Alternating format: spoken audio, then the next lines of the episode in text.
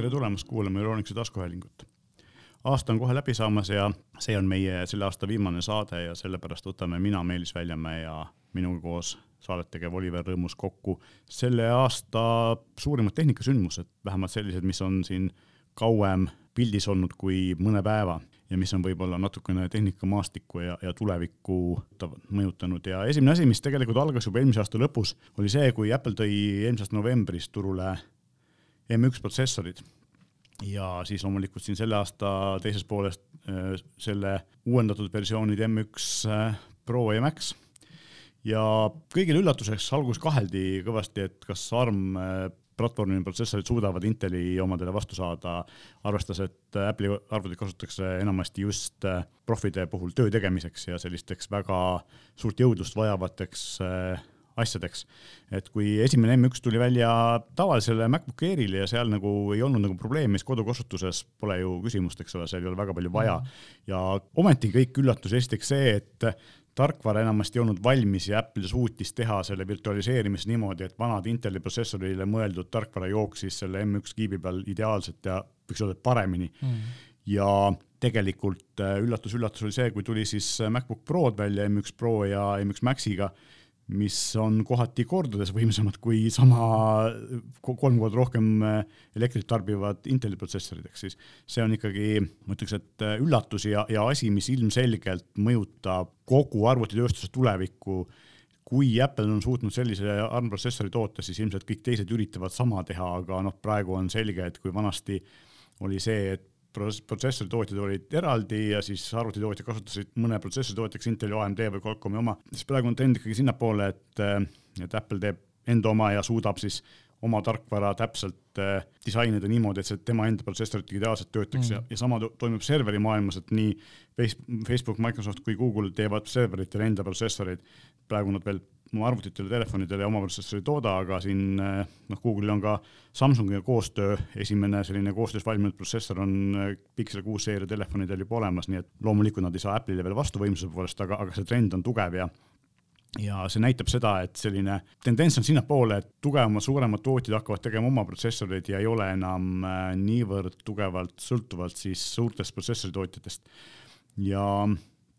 see on väga huvitav vaadata, eks ole, ja loomulikult areng näitab ka seda, et äh,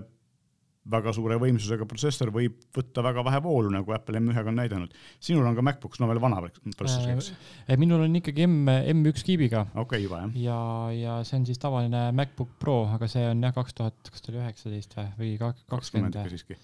Just kakskümmend jah, et, äh, et tõesti on, ma ütlen ausalt, kuna ma ise kasutan seda iga, igapäevaselt töö tegemiseks, ehk siis videote monteerim-, äh, videote monteerimiseks ja, ja fotode töötluseks, siis tõesti kogu see protsess on läinud palju kiiremaks, sest mul tegelikult on kodus veel üks MacBook Pro, see on nüüd siis kaks tuhat vot, vot, vot see on nüüd kaks tuhat üheksateist aasta oma ja, ja ütleme, eks-, videote eksport on palju aeglasem, et see M1 kiip on ikkagi andnud mingisuguse lisatõuke et see asi liiguks palju paremini see on nagu tegelikult fantastiline.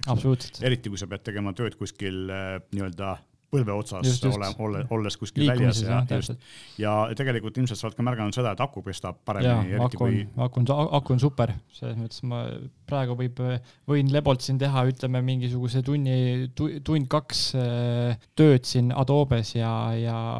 aku on ikka suhteliselt täis, et mm., et mul ütleme jah, selle vana Maciga läheb ikka päris kiiresti, eriti kui ma hakkan eksportima, no siis ongi, et ta tõmbab niimoodi käima selle arvuti, et ta lihtsalt vaatad aku nagu lihtsalt läheb, läheb, läheb, läheb ja siis kiiresti juhtme taha nagu panema, et. aga sa kasutad äh, pigem Adobe tarkvara, mitte Apple'i enda asju, eks? jah, Adobe, jah, Adobe mm -hmm. Okay. põhiliselt jah et noh, tegelikult on ka see, et Adobe asjad ei ole mm, -hmm. eks ole, nii hästi optimeeritud, et tegelikult ilmselt tulevikus, kui nad suudavad nagu selle Apple'i kiivi peal ennast veel paremini mm -hmm. optimeerida, siis läheb see aku kestvus veel paremaks yeah.. ja võib-olla, kui me juba kiipidest rääkisime, siis tegelikult teine suurem uudis, mis eelmisest aastast ongi see, et viimased paar aastat on äh, selline kogu aeg nõrgem äh, või, või siis väiksem ja natukene tagasihoidlikum kiibitootja AMD olnud äh, nii-öelda Inteli peksupoissiks, ehk siis turuosa on Intelil olnud kõvasti suurem ja, ja jõudlus samuti.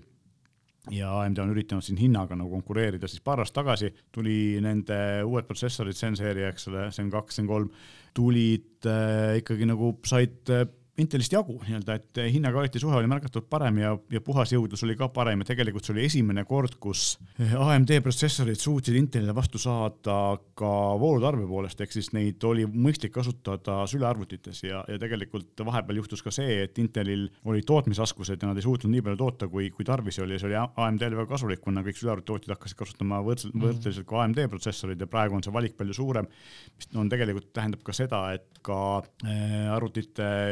graafikavõimsus läks paremaks, kuna AMD graafika oli, graafika, integreeritud graafikakiip oli parem kui, kui Inteli oma, aga nüüd on Intel nagu sellele oma vastuse andnud ja, ja see on jällegi võrdsustunud. aga siin äh, oktoobrikuus tõi Intel turule siis uued kaheteistkümnenda põlvkonna protsessorid esialgu ainult lauaarvutitele mis on siis tehtud äh, natukene väiksema sammuga, neljateist nanomeetri pealt kümne nanomeetri peale ja AMD toodab siiamaani seitsme nanomeetriga protsessor, natuke väike edu ikkagi. aga jõudlusest on, on siis Inteli protsessorid uuesti saanud AMD kätte ja neist natuke mööda läinud, aga noh, me räägime ikkagi sellisest hinnaklassist seal viissada eurot ja kolmesajast eurost ülespoole, et viiesaja euro hinnaklassis, et see on ikkagi selline tõsine tööloom või, või, või äh, siis väga aktiivse mänguri mm. protsessor, aga siin on näha nagu tugevat, tugevat konkurentsi, eks me näe, mis AMD vastu, vastu paneb, aga igal juhul jälle on teinud, tulnud sinna protsessori turule elu sisse ja näib mm., et, et seal see konkurents ikkagi kahe firma vahel töötab ja noh, kui nüüd on, on tegelikult ka Apple oma M1-ga seal nii-öelda mm -hmm. seda eh, turuosa kõigutamas, siis eh, eks mõlemad üritavad pingutada nii palju kui võimalik. teine asi, mis tegelikult on, on täiesti uus, mida varem pole olnud, on see, et, uued Inteli protsessorid eh, on nüüd oma arhitektuurilt sarnased mobiiliprotsessoriteks, neil on mitte kõik tuumad ei ole võrdse võimsusega, vaid on siis veidi lahjemad, mis võtavad vähem voolu ja siis on võimsamad, mis võtavad rohkem voolu ja kui sul ei ole midagi väga aktiivset käsil arvutis, siis need võimsamad lülitatakse välja, kasutatakse ainult mm -hmm. lahjemaid. Telefonid töötavad juba aastaid sama põhimõttega ARM protsessorid, aga, aga nüüd on siis jõudnud aeg ka nende lauaarvutiprotsessorite kätte, muidu oli see, et, et küll kiirust tõmmati maha, kui midagi teha polnud, aga voolutarve sellest väga palju ei kukkunud ja nüüd kukub voolutarve rohkem, mis tähendab seda, et tegelikult praegu, kus elektrihinnad on kallid mm, -hmm. on see nagu väga hea, väga hea uudis, et, et tegelikult ka selline lauaarvutite protsessorites toimub mingisugune edasiminek äh, voolutarbe vähenemise ilma, suunas ilma siis äh, võimsust või jõudlust ohverdamata, eks ole, et mhm, tegelikult äh, selline üle, ma ütleks üle kümne või viieteist aasta esimene suur muudatus üldse nagu selles, kuidas protsessorid tehakse mm. -hmm. ja kui me protsessorite jutu võib-olla kokku tõmbasime, siis vaatame, mis äh, muud nagu sellist huvitavat on, on maailmas teaduses ja tehnikas toimunud, et kõige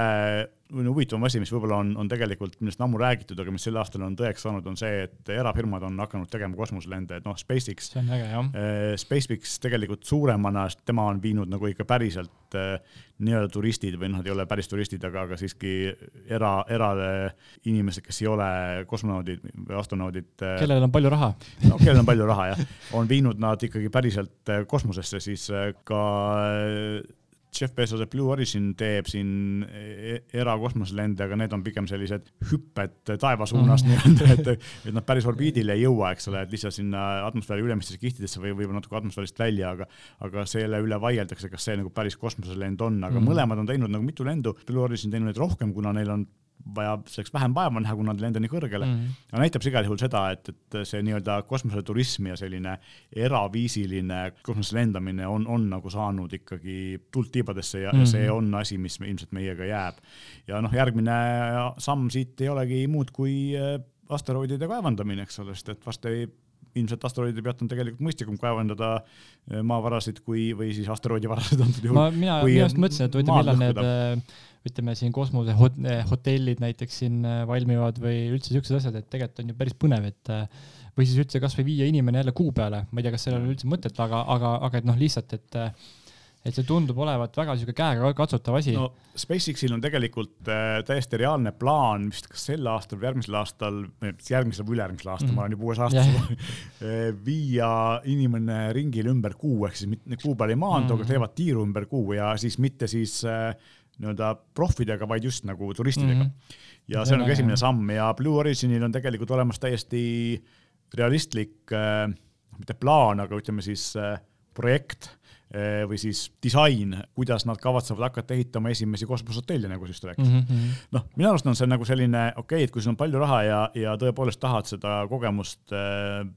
et sul hakkab, on vahepeal süda paha ja siis võib-olla, võib-olla tõesti, aga, aga mina näen, et see eesmärk ikkagi mõlemal firmal ei ole pigem see, et, et vedada turiste kosmosesse, mis on noh, väike rahaallikas küll, aga, aga pigem see just see asteroidide kaevandamine, sest sealt ähm, on tõenäoliselt just sealt on meile tulemas meie esimesed triljonärid mm, -hmm. ehk mhm, siis mhm. ilmselt kosmose selline tööstus on see, mis, mis nagu selle, sinna meid viib, et nendega tegelevad inimesed saavad järjest rikkamaks ja noh, positiivse poole pealt on see, et, et me ei riku meie planeedi niigi õrna loodust, vaid äh, kaevandame materjale sealt, kus, kus võib-olla seda, see meile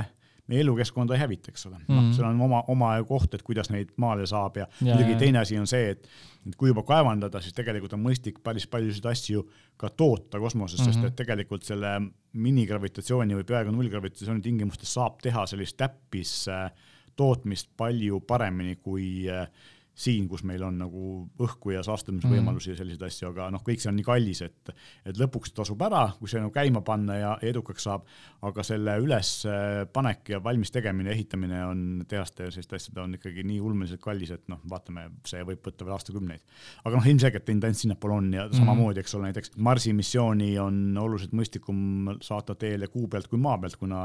gravitatsioon on kõvasti mm -hmm. väiksem, eks ole, või üldse ehitada kõigepealt mingisugune kosmosejaam ja sealt nad ja, teele ja, saata et aga noh, see on väga põnev teema, mis äh, ilmselt siin lähiaastatel äh, järjest areneb ja noh, loomulikult kõik me ootame seda, millal siis äh, SpaceX-i Starship, mis on mõeldud Marsile lendamiseks mm, -hmm. millest ma siiamaani aru ei saa, et miks on vaja nagu sellise noh, ütleme ikkagi ämbri seljas Marsile lennata või ämbri seest pigem, pigem nagu võiks ju ka samamoodi ehitada mingi suurema asja kuskil orbiidil valmis ja siis sellega sõita, aga noh, ilmselgelt see on maalt ta otse üles lasta on odavam, aga samas kindlasti nendele, kes seal kaks aastat peavad selles ämbris istuma mm, -hmm. on mhm. ebamugavam, eks.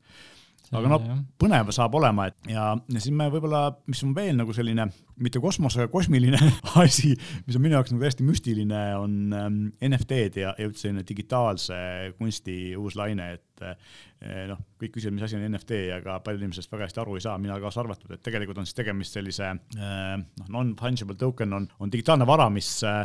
mida ei saa võltsida, ehk põhimõtteliselt, kui sul on äh, pilt või, või mingisugune digitaalne toode, see võib olla muusika või, või mis iganes ja, ja see on siis seotud selle nii-öelda NFT võtmega, mis äh, suudab äh, alati kindlaks teha, et see konkreetne koopia on unikaalne, teist samasugust rohkem ei ole, siis see tekitab sellise tunde, et noh, et ma olen, mul on see, ma olen selle asja omanik, eks ole, ja, ja nüüd minu jaoks ongi nagu mina olen võib-olla natuke selline vanakooli füüsilises maailmas kinni olev inimene, aga, aga miks ma peaksin maksma, ma ei tea, sadu miljoneid eh, digitaalse asja eest, mida ma ei saa füüsiliselt katsuda, et see on nagu, nagu noh, selle, selle unikaalsuse väärtus läheb nagu minu jaoks kaduma, et, et kas see, ma tean, et, et kellelgi teisel täpselt samasugust asja olla ei saa ja see on minu unikaalne koopia, kuigi ta on kuskil digitaalne, ma saan teda vaadata või katsuda nii-öelda silmade-kõrvadega, aga mitte kätega, siis see no mind nagu ei veena, et, et. ei no aga vaata, kui sul on nii palju raha ja sul ei ole mitte midagi rahaga peale hakata, sul on igav. no siis sa mõtledki, et kuule, ma ostan lihtsalt mingit nodi kokku, onju, et siis ma noh, ma arvan, et see on lihtsalt on siuke noh, ma olen siis nagu selles, selles, selles mõttes sinuga nõus, et see minu jaoks ka ei kõla nagu väga ahvatlevalt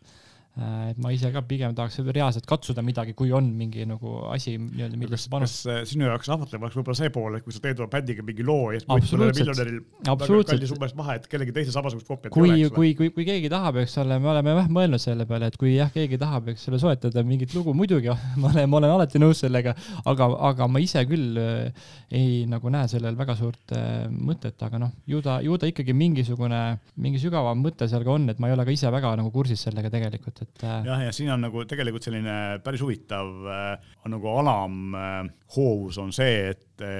et kõik nii-öelda siis füüsiliste või paljud füüsiliste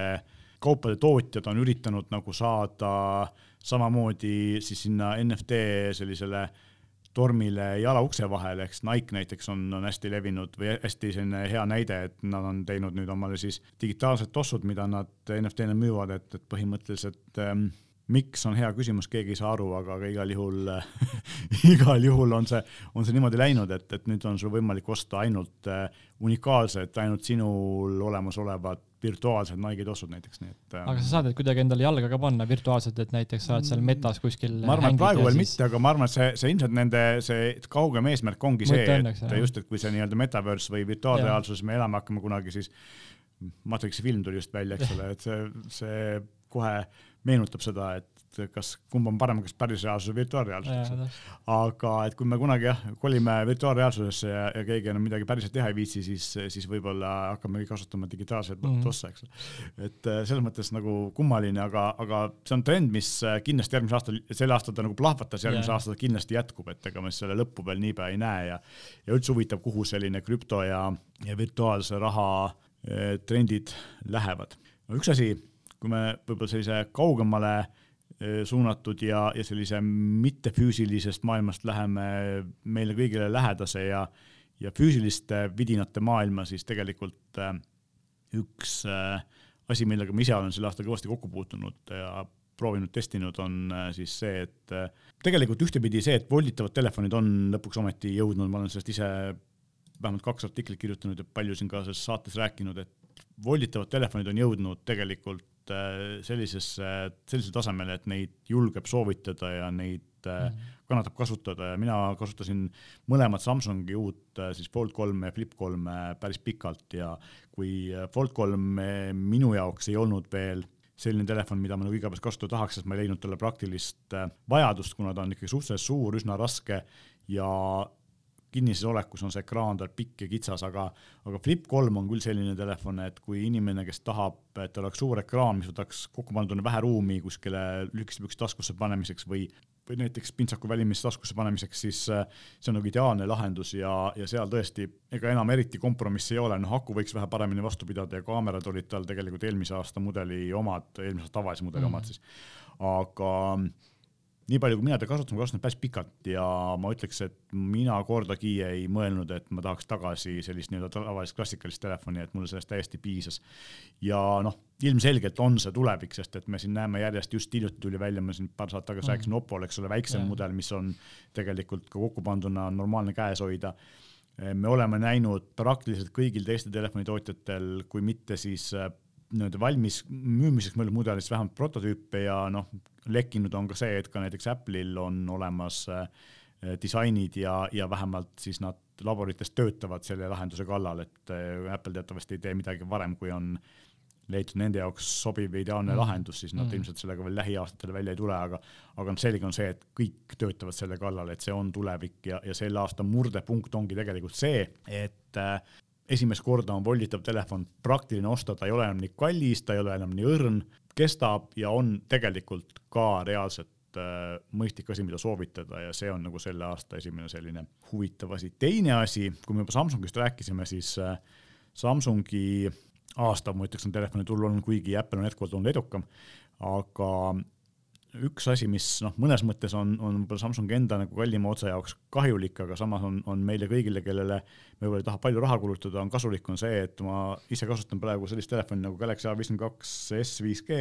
ja ma ütleks, et äh, ma nagu natukene üllatunud on võib-olla isegi selline lahja sõna, aga, aga nagu ikkagi täiesti, see on fantastiline telefon, et välja tulles maksis üle neljasaja veidi, aga praegu siin jõulude ajal oli ta kolmsada viiskümmend eurot ja mida, mida teeb üks kolmesaja viiekümne eurone telefon, see on nagu natukene parem kaamera võib-olla kuluks ära, aga ma olen täiesti veendunud, et äh, ma ilmselt ei tahaks maksta kaks korda rohkem raha selleks, saada kümme protsenti paremat kaamerat. Mm -hmm.. ehk siis see, mida see telefon teeb kolmesaja viiekümne euro eest, on nagu uskumatu, et äh, väga hea AMOLED ekraan, täiesti korralik kaamera, kauakestev aku äh,, mugav disain, noh, üks asi, mis tal on, mida, mida võib-olla äh, võib nagu pidada selliseks odavuse näiteks, on see, et äh, täiesti selline plastikkorpus, et täiesti mm -hmm. nad isegi ei, nagu ei, ei ürita nagu jätta muljet, et see on nagu, nagu midagi ilusat, vägedat, et, et see äh, korpus on konkreetselt meelega tehtud nii, et ta näeks odav välja, aga panna sinna selline läbipaistv või mitte läbipaistev kest ümber ja, ja tegelikult on väga hea, et loomulikult, et kui sul see korpus ka veel nagu teha klaasist või sihuke ilus, mis ilmselgelt on kallis töö, aga siis ju kaoks igasugune mõte inimestel osta kallimat telefoni, et sellepärast ongi see, et mingisugused selline luksuselement peab kallimatel mudelitel jääma, noh lisaks sellele, et kaamera on, on parem ja, ja protsessor natuke parem, aga, aga protsessori paremus ongi see, kui sa pidevalt ei mängi telefoniga, siis mina ütleks, et olles nagu paralleelselt kasutanud kallim, kangemat protsessorit ja seda natuke lahjemat sellel telefonil, siis noh, vahest aru ei saa mm. -hmm. reaalses elus nagu vahest aru ei saa ja selles mõttes on ikkagi, kui vanasti oli selline hea, mõistliku kaameraga hea hinnaga korralik telefon oli nagu puhtalt Hiina tootjate pärusmaa, siis nüüd on nagu ikkagi see, et Samsung on toonud sellise tuntud suure tootja hea telefoni odavasse hinnaklassi, noh tegelikult Google Pixel 5a ja sellised mm. odavamad pikslid on ka nagu päris mõistlikud, aga aga Samsung telefon disaini poolest on märgatavalt parem välja kui Pixel ja ja kaamera on noh, võib-olla mitte päris samal tasemel, aga peaaegu samal tasemel kui Pixeli kaamera. ja noh, siis äh, ma ütleks, et kui enne oli siin näiteks iPhone SE, eks ole, mis oli nagu natukene kallim, siis tegelikult äh, see on nagu selline Androidi maailma vaste, mis mm. on äh, tuntud tootja hea garantiiga ja toega hea telefon, millel on hea tarkvara ja mis on äh, niivõrd hea hinnaga, loomulikult äh, ka kolmsada viiskümmend eurot on päris mitmele inimestele liiga kallis ja on vaja võib-olla soetada veel odavamad telefonid. Need on olemas, aga, aga hinna-kvaliteedi suhtest on see täiesti ületamatu ja kunagi varem pole saanud sellise hinna eest ligilähedaseltki nii head mm. telefoni. nii et äh, jah, ma ootan või noh, tegelikult ma olen täiesti kindel, et, et uus aasta tuleb, kui just ei, ei juhtu midagi hullu seoses kiibikriisiga mm., siis äh, ilmselt see trend jätkub ja siin tuleb veel, veel selliseid mudeleid ka teistelt, nii et trend on põnev. ja kui me telefonidest rääkisime, siis teeme siin telefonidega seotud uudise veel ühe, mis on Eestis hästi oluline, on see, et sel aastal üks uus muudatus, suur muudatus on see, et Google Pay äh, tuli Eestisse ja õnneks äh, oli Google nii tubli, et nad tulid Eestisse korraga nii telefonidele kui kelladele, et kui siin päris mitmetes riikides on olnud see, et telefoniga saab maksta, kellaga mm ei saa, yeah. siis Eestisse tuli niimoodi, et saab maksta nii kellaga kui telefoniga. ainus probleem on siin see, et jätkuvalt mõned pangad äh, Äh, on suhteliselt pidurdavad, noh Coop, Coopist on võib-olla võimalik aru saada, sest nad on väike pank ja mm. nad, nende arendus võtab aega, aga SEB siiamaani ei toeta mitte mingit tüüpi kella ja telefoniga maksmist peale nende enda Androidi äpi. Apple Pay'd neil ei ole, Google Pay'd neil mm, ei ole, Garmin ja Fitbiti kelladega maksta ei saa ja, ja kõige naljakam on see sellepärast, et minu teada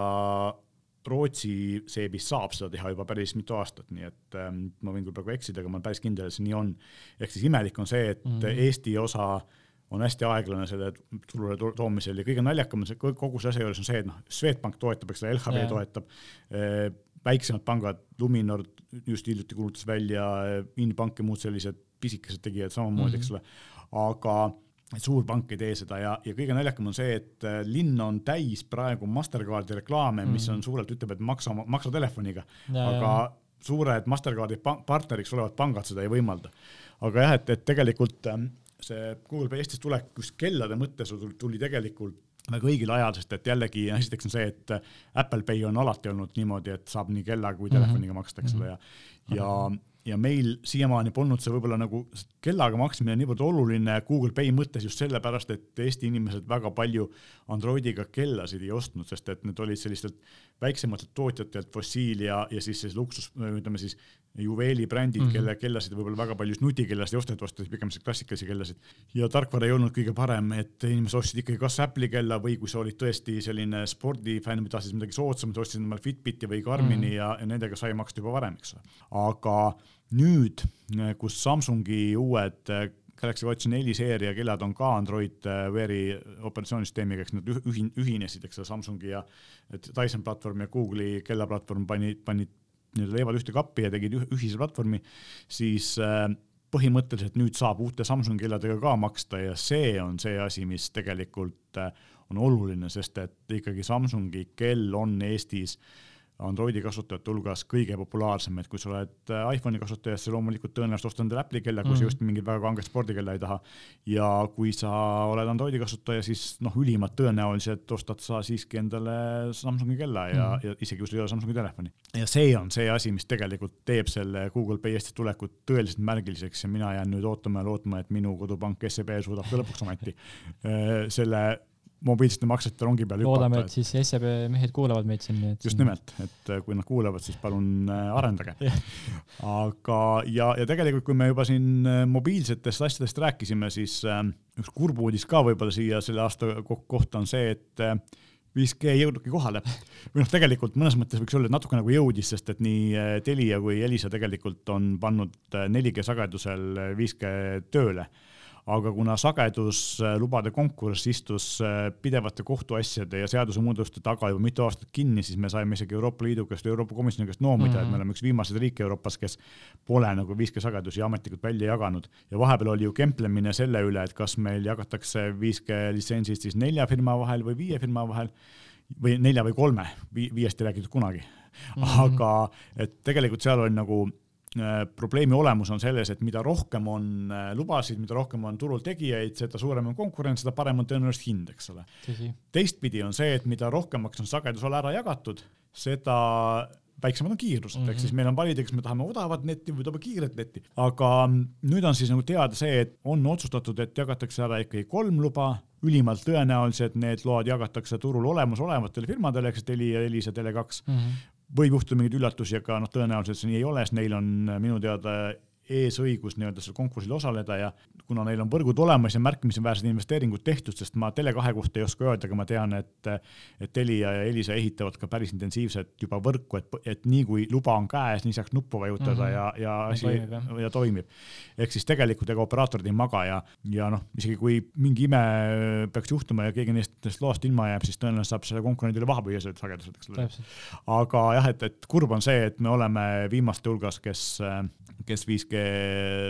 turu, noh, kui oluline see on, see on teine asi, aga ikkagi tehnoloogilise arengu mõttes ja, ja selle mõttes, et Eesti peaks olema selline edumeelne digiriik ja meie need digilahendused on siin olnud paarkümmend aastat juba eesrinnas, see on on kurb, et me oleme jäänud Euroopas maha. just, ja tegelikult teine asi, mis on äh, siin meie sellise digitiigri Äh, võib-olla selline negatiivne osa ja näitab seda, kuidas, kuidas see tiiger meil tegelikult on väsinud ja lonkab ühte jalga, on see, et äh, teatavasti äh, riik on otsustanud ära lõpetada praeguse mobiil-ID lepingu ja ei pikenda seda ja siis kuulutas välja konkursi uue mobiil-ID tegemiseks, mis, mis, milles osales ainult üks Belgia firma, kes ei saanud päris hästi aru, mida neilt tahetakse. see konkurss lõppe, kukkus läbi ja praegu on niimoodi, et kui juulikuus saab meie mobiil-ID leping läbi, siis tegelikult meil ei olegi, riigil ei olegi lahendust, mida edasi teha, et noh, Smart-ID alternatiivina on ja seda õnneks saab kasutada, aga sellist klassikalist SIM-kaardi põhist mobiil-ID-d praegu nagu ilmselt ähm, noh, me ei tea, mis sellest saab mm. -hmm. et äh, need juulikuuni sõlmitud lepingud kestavad veel viis aastat, nii et kui te tahate mobiili kasutada, tehke leping ära ja on viis aastat hooletu, et see mm -hmm. leping on, nii-öelda hooldusleping on olemas, et viis aastat see peab töötama aga tegelikult, mis pärast seda saab, kui sa tahad augustis endale teha mm. mobiilide lepingut, siis me tegelikult ei tea, mis saab ja see on ka nagu kummaline, et me olime seal nagu väga-väga edumeelsed mm ja mhm. eesrinnas ja nüüd me oleme nagu kuidagi jäänud, hakkame maha jääma, et see on, see on tegelikult kurb. ja kui me 5G-st räägime, siis üks võimalus, kuidas saada mõnede inimeste väitel endale kohe 5G on käia ja vaktsineerida ennast. ma just tahtsin seda nalja, nalja nagu teha, mõtlesin, mõtlesin, kas see on nagu siuke eetiline, aga no,, aga jah, see kartus ju on, et me nüüd ikkagi hakkame nüüd kõik haigeks jääma. noh, tegelikult ongi see, et, et rumalad, rumalad äh, mõtted tulekski naljaks pöörata, et, et noh, loomulikult ei ole 5G teile ohtlik, ei ole ka vaktsiinid teile ohtlikud ja, ja vaktsiinid teile ei 5G-d ega magnetismi ei anna. aga miks ma selle teema võtsin, on see, et tegelikult üks selle aasta suuri tehnoloogilisi, noh, tegelikult siis viimase kahe aastaga mm -hmm. eelmisel aastal just nagu niimoodi turule tulnud või, või rahva hulka sa, saanud asi on see, et esimest korda on siis äh, koroonaviirus, Covid-19 vastased vaktsiinid, Moderna ja Pfizeri omad on tehtud mRNA tehnoloogial, mis on täiesti uus, et kui tavaliselt tehakse niimoodi, et võetakse deaktiveeritud viirus, lahjendatakse seda ja siis süstitakse sisse, et siis tekitavad antikehad, siis mRNA on, on hoopis teistmoodi, võetakse selle viiruse üks äh, RNA jupike mille põhjal hakatakse, hakkab kehas antikehasid tekitama, et seda saab toota palju kiiremini, palju odavamalt, kuigi sel, sel, uus tehnoloogia, et selle üle veel nagu natukene uurimus käivad, kui mm, -hmm. kui äh, millised need kõrvalmõjud võivad olla, aga, aga fakt on see, et, et mRNA tehnoloogia on tulevikus äh, absoluutselt põhiline asi, mida hakatakse kasutama vaktsiinide tootmisel ja minu arust see on nagu. ja noh, loodame ka, et, et see kunagi jõuab ka äkki vähiravi. just nimelt, et, et see võib äh, ja, ja tegelikult, kuna ta on odavam toota, siis, siis äh, hästi oluline siin meil võib-olla see ei olegi nagu nii kriitiline, et meie noh, meil on hea tervishoiusüsteem ja riik maksab enamus vaktsiine meile kinni või siis, kui mm. ei maksagi, siis äh, enamus vaktsiine on suhteliselt odavad, aga aga Aafrika või, või Lõuna-Ameerika riikides, kus on vaesus väga suur ja, ja enamus inimesi ei jaksa endale seda vaktsiinisüsti teha ja riik seda eriti ei toeta, siis seal sellised odavamad ja massiliselt toot-, kiiresti toodetavad vaktsiinid tegelikult võivad olla täiesti pöördelised väga oluliste hullude haiguste mm peatamisel, et, et see, seda ei maksa alahinnata, et see tehnoloogia on, kui meil on tehnikasaade ja me tehnikast räägime, siis see ja teadusest mingil määral, eks ole mm siis see on teaduslik läbimurre, mis peaks tooma meile ikkagi täiesti uue taseme sellele, kuidas selliste kiiresti mõjuvate viirushaigustega, mis on soojemates riikides palju mhm. hullemad kui meil, efektiivselt võidelda et, et selles mõttes on, on äh, suur läbimurre ja, ja loodame, et see, see asi nagu areneb äh, pikkade sammudega edasi. ja üks viimaseid asju, millest võib-olla tuleks nagu rääkida siin aasta kokkuvõttes, on, on see, et elekter ja gaas on kallis mm. kõik me seda tunneme, näeme seda oma arvetel, mina pole isiklikult näinud äh, nii suurt kommunaalkulude arvet mm -hmm. mitte kunagi, nagu ma eelmine kuu sain ja see võttis ikka natuke korraks jalad alt ära. see on karm jah. siinkohal võib-olla ongi, ongi see, et kuidas tegelikult elektrit kokku hoida, et hästi palju liigub igasuguseid soovitusi, legende ja, ja noh, hästi palju räägitakse seda, et kui sul on telefoni või arvuti laadija, siis kui sa ei lae seda, siis tõmba saba seinast välja, siis tegelikult sellised asjad hoiavad teil kokku paar senti aastas, et see ei ole efektiivne voolu kokkuhoiu viis mm. -hmm. loomulikult -hmm. turvalisuse huvides ja no, selle elu huvides võib selle, võiks selle välja tõmmata ja seda võib-olla saab mugavamalt teha niimoodi, et teil on lihtsalt näiteks mingi pikendusjuhe või asi, millel on lüliti peal mm -hmm. või, või mingi nutikas pikendusjuhe, mida saab telefonist välja lülitada. aga olulisemad asjad, mis tegelikult rohkem voolu võtavad ja mida saab mõjutada väga vähe saab mõjutada näiteks äh, võib-olla vähem äh, teevett keeta või, või mingid sellised asjad, sest et sellised kuumutamisseadmed on kõige rohkem voolu tarbivad asjad, aga vahe on siin selles, et sellised asjad äh, tegelikult võtavad suhteliselt palju voolu väga lühikese aja jooksul, eks ole, kui sul teevesi keeb kaks minutit, siis see võib-olla ei mõjuta seda elektriarvet nii palju, aga kui sa teed tõesti kakskümmend tassi teed päevas, siis juba võib hakata mõjutama mm. -hmm. aga näiteks noh, elektriboiler või kui sul on elektriga vee, vee kuumutamine, siis seal on nagu kaks asja, mida saab teha, üks on see, et alandada natuke temperatuuri, et võib-olla vesi ei pea olema kuuekümne kraadi peal, võib-olla mm -hmm. piisab viiekümnest kraadist, neljakümne viiest, et sellest tegelikult see on rohkem, kui keha talub, eks mm. -hmm. ja, ja teine asi on see, et võib-olla hoida teda töös siis, kui sul tegelikult seda tarvis on, et boiler automaatrežiimil ta lülitamas kogu aeg sisse hoiab vett soojana ja tegelikult seda võib-olla ei ole tarvis. ja teine samamoodi on igasugused elektriküte, radiaatorid ja muud sellised asjad, et siin on võimalik tegelikult teha äh, hästi palju ära, see, see tasuvus sõltub jällegi sellest, et kui äh, suured su elektriarved on, eks ju, kui sul kogu kodu on elektrikütte peal, siis need arved on piisavalt suured, et kohe tasub inve ära investeerida nutilahendustesse, äh, nutipistikud, eemalt juhitavad äh, termostaadid radikate mm. külge, sest et see annab päris korraliku kokkuhoiu, kui sa näiteks lased aegadel, kui sa ennast kodus ei ole, automaatselt mingisuguse äh, kas siis taimeri režiimiga, eks lased radiaatorid välja üldse lülitada või näiteks ööseks alandad temperatuuri näiteks kahekümne viie pealt kaheksateist kraadi peale ja, ja kui sa nendes, nendes ruumides, kus ise ei ole, eks ole mm, -hmm. ja siis selleks ajaks, kui sa oled, kui sa tead, et sa oled tõenäoliselt selles ruumis, lased selle üles tõsta mm, -hmm. et, et nutipistikud ja, ja nutikad termostaadid seda kõike võimaldavad. Nad alati ei ole väga odavad ja seal juhul ongi see küsimus, et kui, kui, millal ja mis hetkel see ära tasub, aga mm, aga seda võib võtta ka tegelikult niimoodi, et, et see on investeering mitte ainult elektriarve eest kokkuhoidmisesse, see on nüüd nagu see suur elektriarve ja sellest kokkuhoidmine on tegelikult hea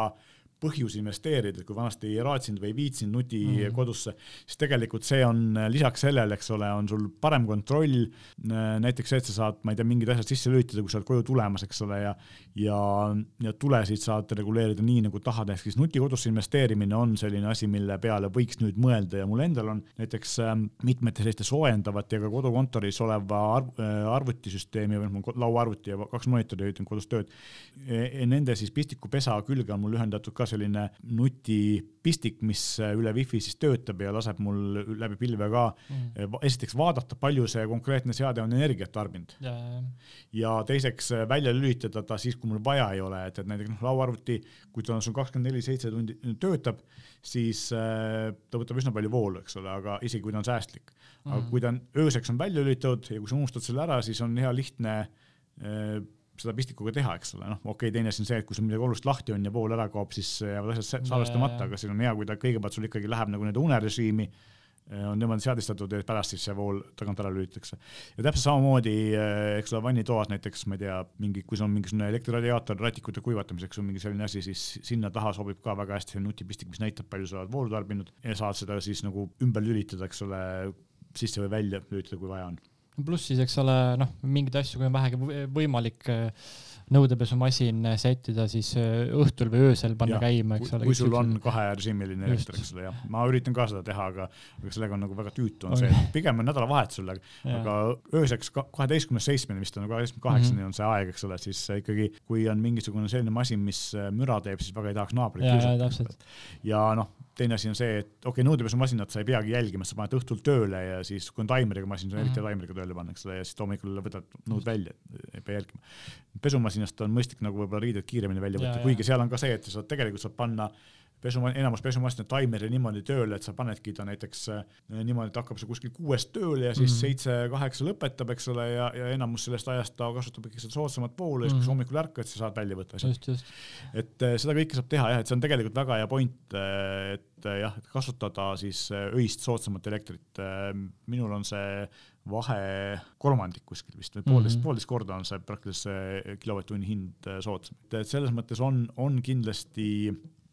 kindlasti mõistlik. Ja noh, teine asi, mida võib praegu vaadata, on tegelikult see, et kui on maja, siis äh, nüüd võib olla käes aeg äh, hakata vaatama, kui, kui, kui päike paistab ilusti maja peale, päikesepaneele mm, -hmm. sest et